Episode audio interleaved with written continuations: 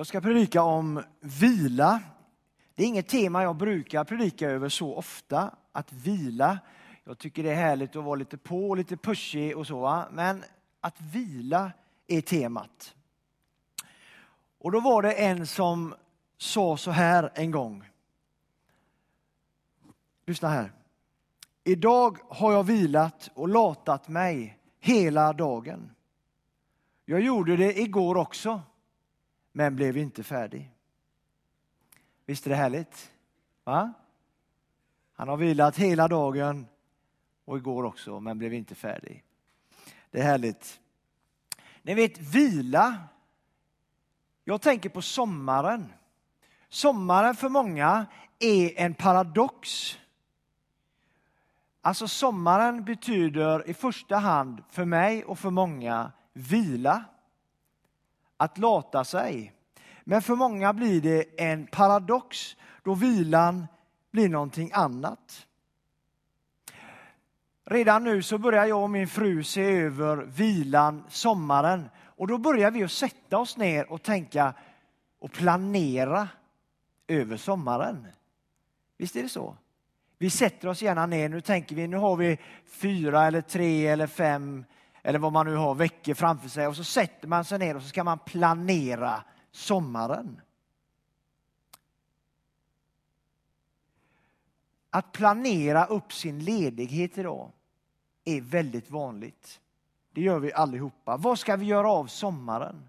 Å ena sidan ska vi vara lediga, men den måste vara planerad och genomtänkt och det ska passa alla och vi ska helst hinna med och göra allt som vi inte gjorde innan när vi jobbade. Jag pratade med en eh, arbetskollega när jag snickrade för när jag bodde på Donsö och han var ute på en semester. Han var borta i två veckor. Och när han kom tillbaka så konstaterade han att ja, jag skulle varit ledig den här veckan, sa han. Från min semester. För min semester var så mycket och så mycket innehållsrikt att när jag kommer hem härifrån så skulle jag egentligen helst vilja vara ledig. Och jag tror att det ligger väldigt mycket i det för oss. Och pensionärer ska vi inte ens tala om. Jag har ju min pappa, han har blivit pensionär. Och, han, och där har vi en som är pensionär. Och det finns många som är pensionärer. Och min svärfar, han blev pensionär här för bara ett par veckor sedan.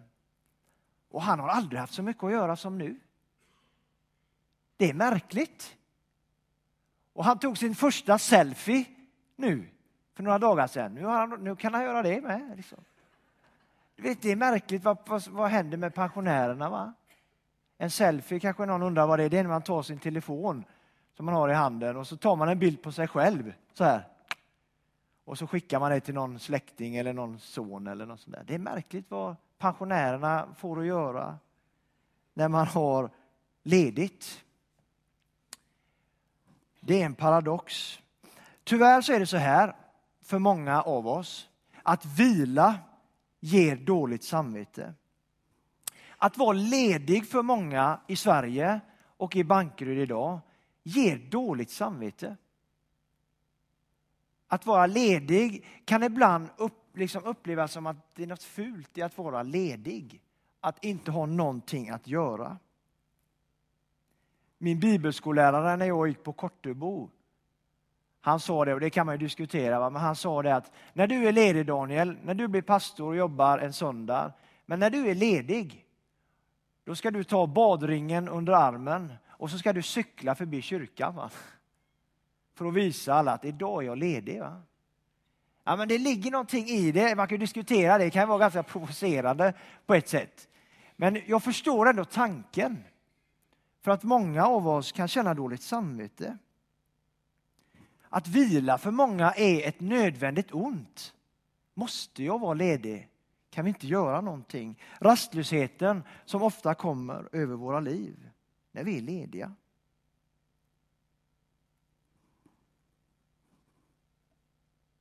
Om man tittar på idrott, jag gillar ju idrott, om man tittar på träning till exempel. Det finns många här som elittränar och har gjort det mycket.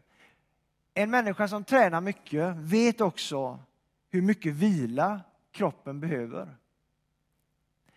Träning handlar om att bryta ner kroppen för att vilan ska bygga den tillbaka och då blir den starkare och mer uthållig.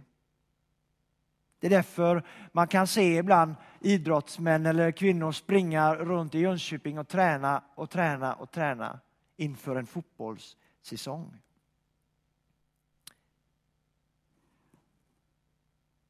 Kroppen är byggd för att vila. Kroppen är byggd för att vila. Det är sättet som gör att när man vilar så byggs kroppen upp. Det är nödvändigt. Thomas Sjödin han har skrivit en bok som heter Det händer när du vilar. Och då skriver bland annat, så handlar boken om det här att en del drömmer om fler timmar på dygnet eller hoppas på, att, eh, på oväntade luckor i kalendern. Alla brottas med ett överbokat liv och känslan av att aldrig kunna koppla av. Många längtar efter vila. Men vad är då vila? Är det att inte arbeta? Hur får vi ihop våra behov av vila med allt ansvar och med känslan av att inte riktigt räcka till? Hur handskas vi med vilans ärkefiender? Oro, leda och rastlöshet. Det händer när du vilar. Det är en hyllning, skriver Thomas Sjödin, till sofflocket, till livets tempoväxlingar och till den vila som kan fyllas av vänner, måltider.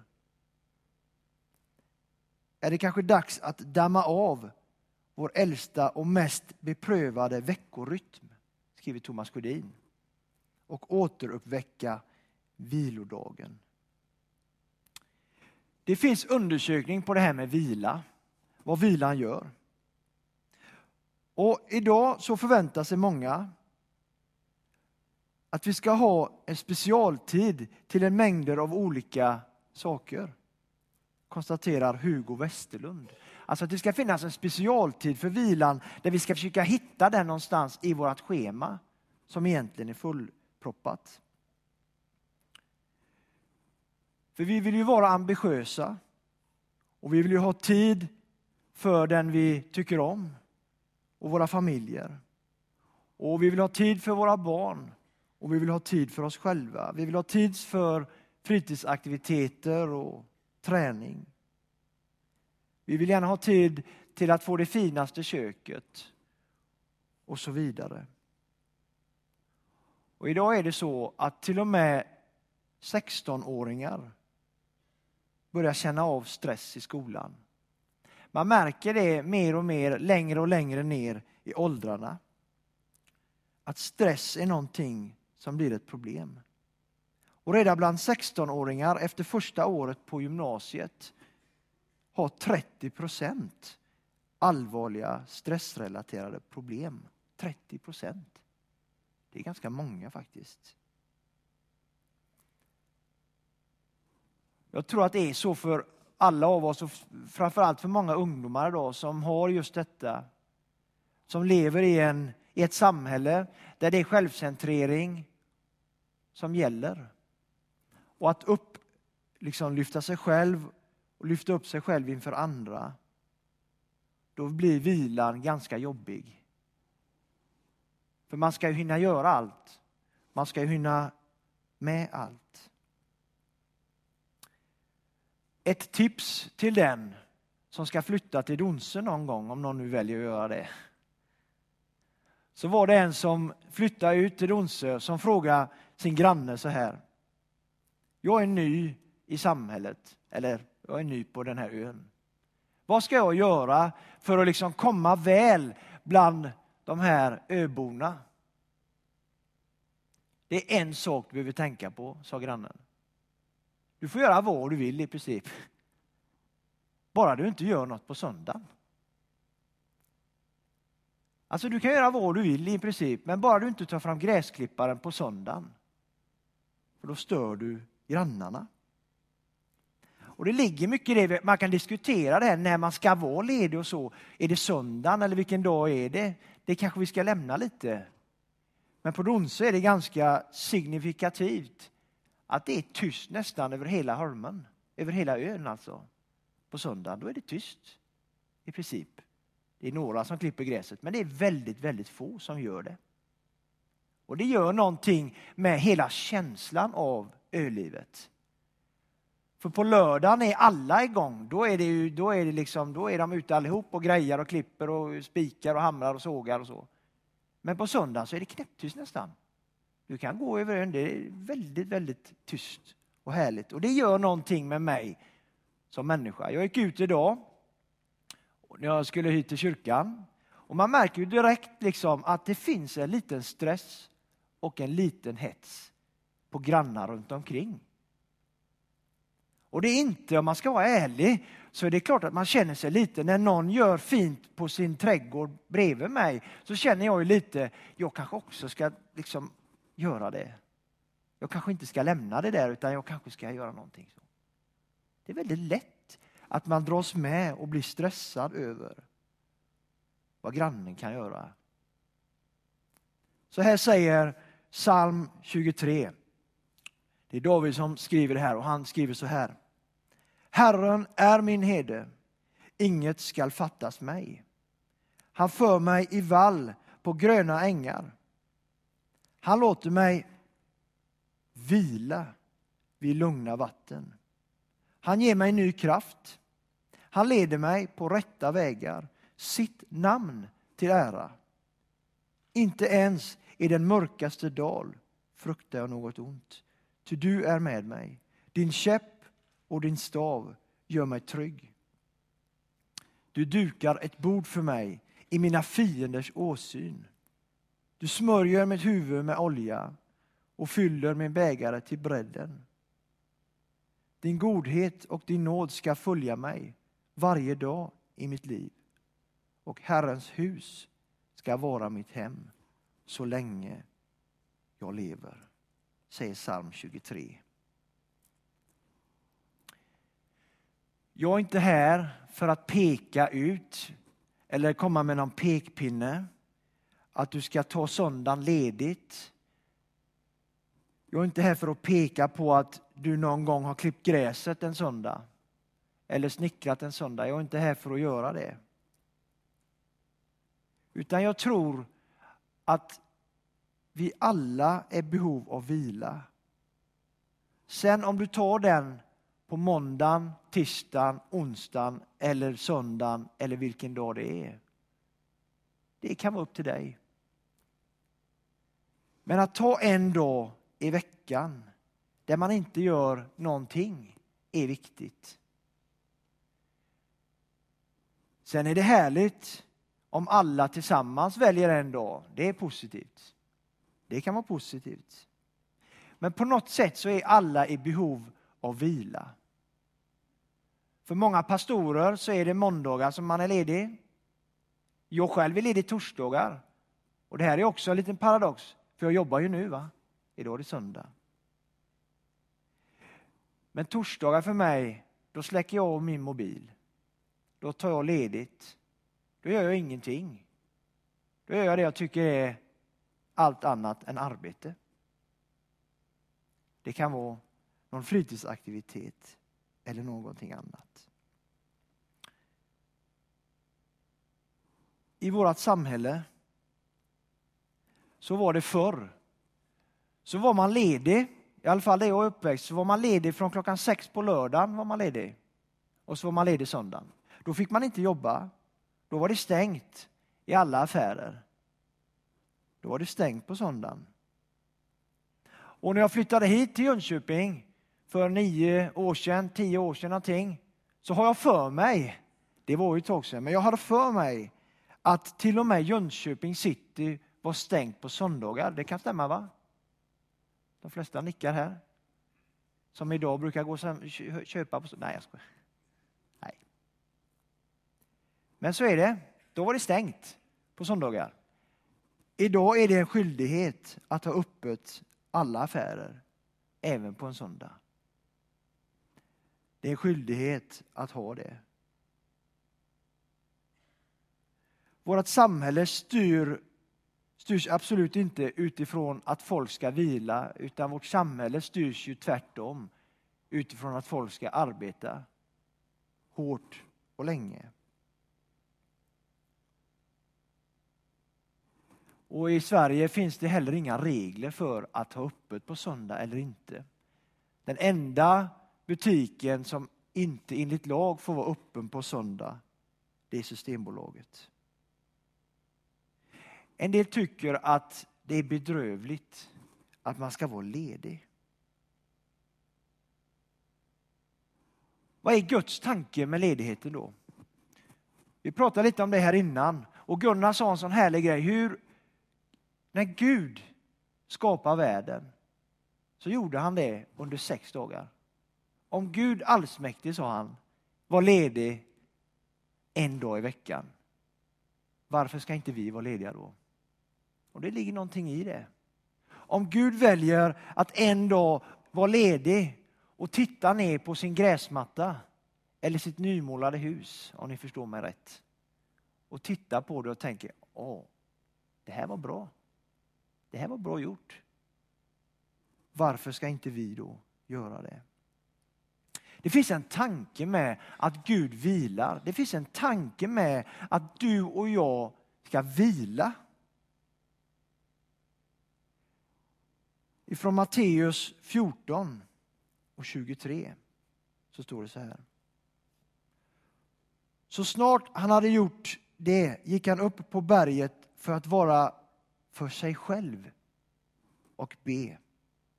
Där var han ensam när det blev kväll. Jesus, när jag läser om Jesus, han var ganska hektisk av sig. Han hade mycket på sin agenda. Han hade ett uppdrag och han jobbade hårt för det uppdraget. Men då och då så drog han sig undan ensam för att be och vara ensam. Det gör någonting med mig när jag drar mig undan från det som är min vardagliga rytm. Det finns en tanke med det. Det finns en tanke i att Gud vill möta oss i vilan. Att låta Gud få möta våra tankar i våran vila. Och för mig på semestern så tar det nästan en, en och en halv vecka innan jag liksom hittar den här semesterrytmen. Du vet när jag åker iväg på någon solsemester, det är inte ofta jag har gjort det, va? men när man har varit iväg så tar det liksom, det är nästan så att när det är två dagar kvar så känner man att nu har jag hittat det. Nu har jag hittat vilan. De första två, tre dagarna, du vet, då står man så här, va? jag som älskar att hålla igång. Och liksom, var är fotbollarna och vad finns det grejer att göra? Och finns det någon golfbana? Och finns det det? Och kan vi inte... Eh. Och så ligger min fru på sidan du vet, med en bok va? i solstolen och bara lugna ner dig. Så. Slappna av nu, vi är här nu. Och det ligger någonting i det. va? Att våga vara ledig. Att våga titta på sin gräsmatta och tänka den är alldeles för lång. Skyll dig själv. Jag ligger här.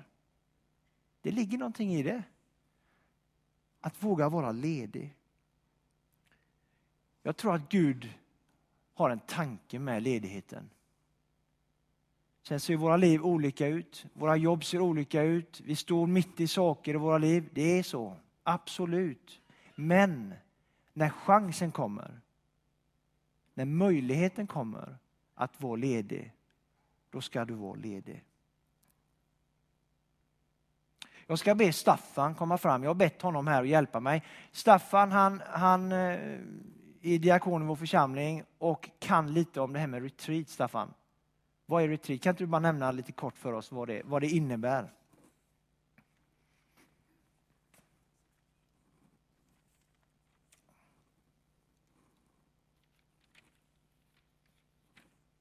Ja.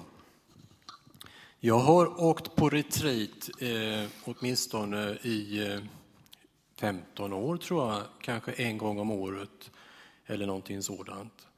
Eh, retreat innebär ju då lite grann det här att faktiskt dra sig tillbaka en dag eller över en helg eller kanske över en vecka eller någonting sånt.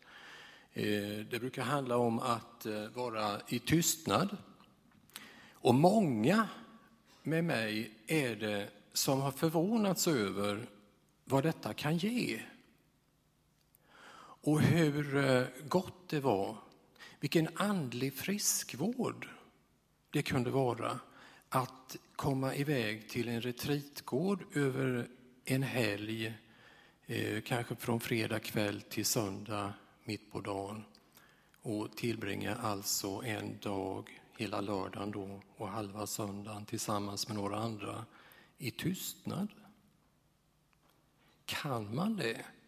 En gång var jag på en retreat och på slutet av den retreaten, det var en grupp studenter från Göteborg, på slutet av den retreaten så sa retreatledaren, okej okay, vi ska göra någonting lite ovanligt den här gången, vi ska dela med oss lite grann av hur det här var.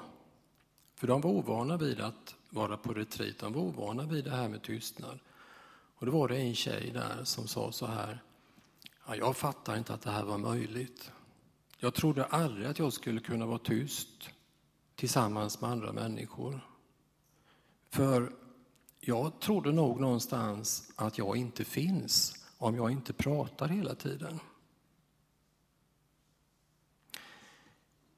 Och så upptäckte hon någonting då och fick någonting till sig om sig själv. Och, så där. och det händer en del när man är tyst och i stillhet. Vad händer när vi är tysta? Ja, det, det, ett fenomen uppträder ju ganska snabbt. Och det är det här att vi blir bättre på att lyssna. Är jag tyst så kan jag på ett bättre sätt lyssna. Och Det är en av poängen med retreat. Man drar sig tillbaka och märker att så småningom så stillnar jag lite grann. Det är inte längre de här intrycken utifrån som blir viktiga för mig. Det är ju roligt annars och det är viktigt för mig. Jag tycker det är härligt med, med de fantastiska intryck som vi har till exempel nu.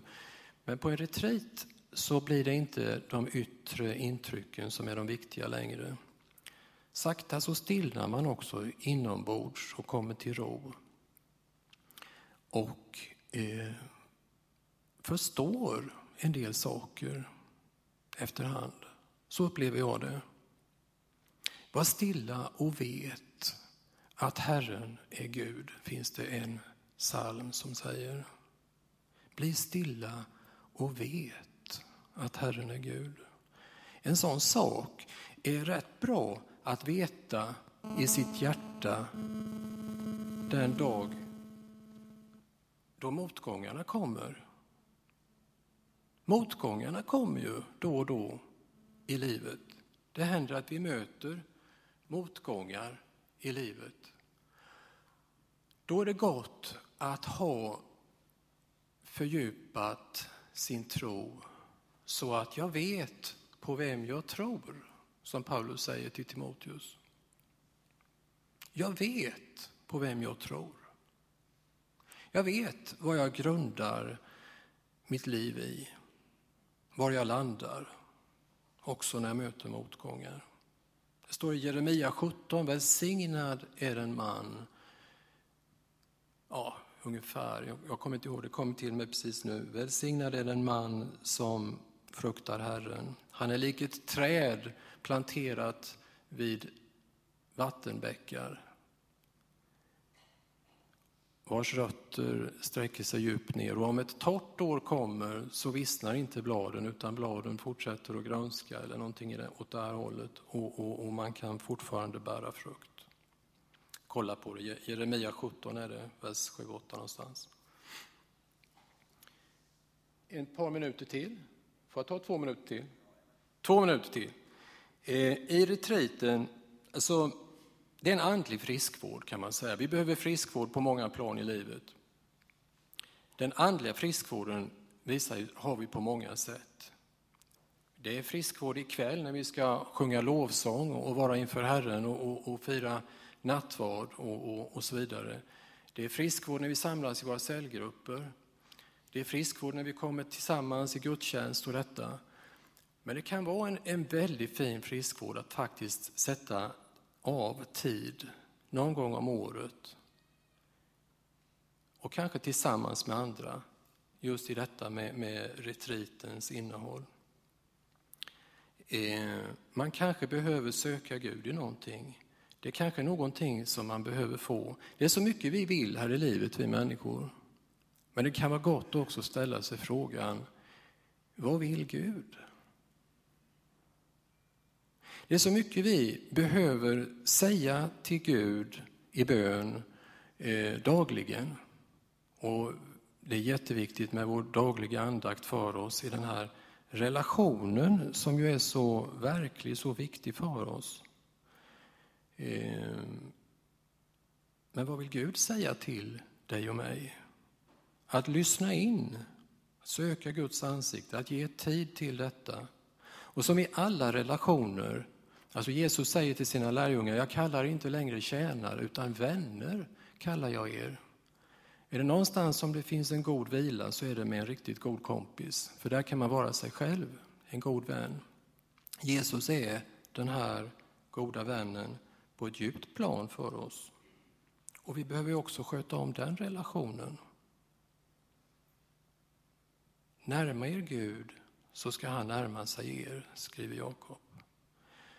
Det här kan vara ett sätt att sköta om relationen med vår Herre. Att ge tid till en avskild plats, en avskild tid, vara i tystnad, hitta stillheten för att där finna den närvaro som Gud alltid är för oss. Och själva i stillheten vara närvarande med honom som vill forma oss till sin likhet, sin avbild. Jag vill avsluta min lilla stund med att vi sluter våra ögon och är stilla en liten stund. Se dig själv buren i Faderns omsorgsfulla hand.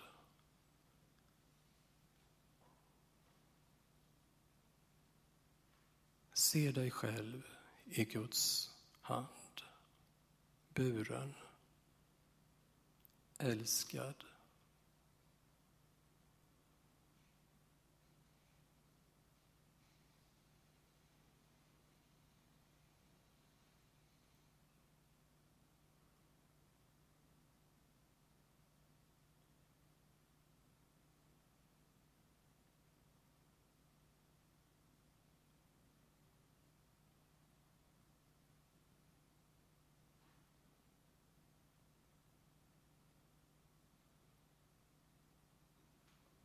Det är en barmhärtig blick som tittar på dig. Amen.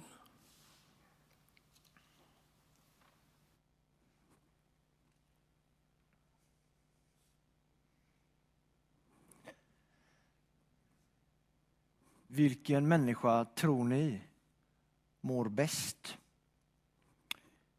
Den som stressar upp sig för allting eller den som njuter av ingenting. Vi ber tillsammans. Jesus, vi tackar dig för att du är vilan. Att i dig får vi vila, Jesus. I dig kan vi bara få lyssna vad du säger. När våra böner, våra ord, våra tankar och ibland vår läsning om dig tar slut så kan vi få vila i att du älskar oss Jesus och vill viska till oss. Jesus, jag ber för varje människa i vår församling att den människan ska kunna få hitta en vila i dig Jesus den här sommaren. Amen.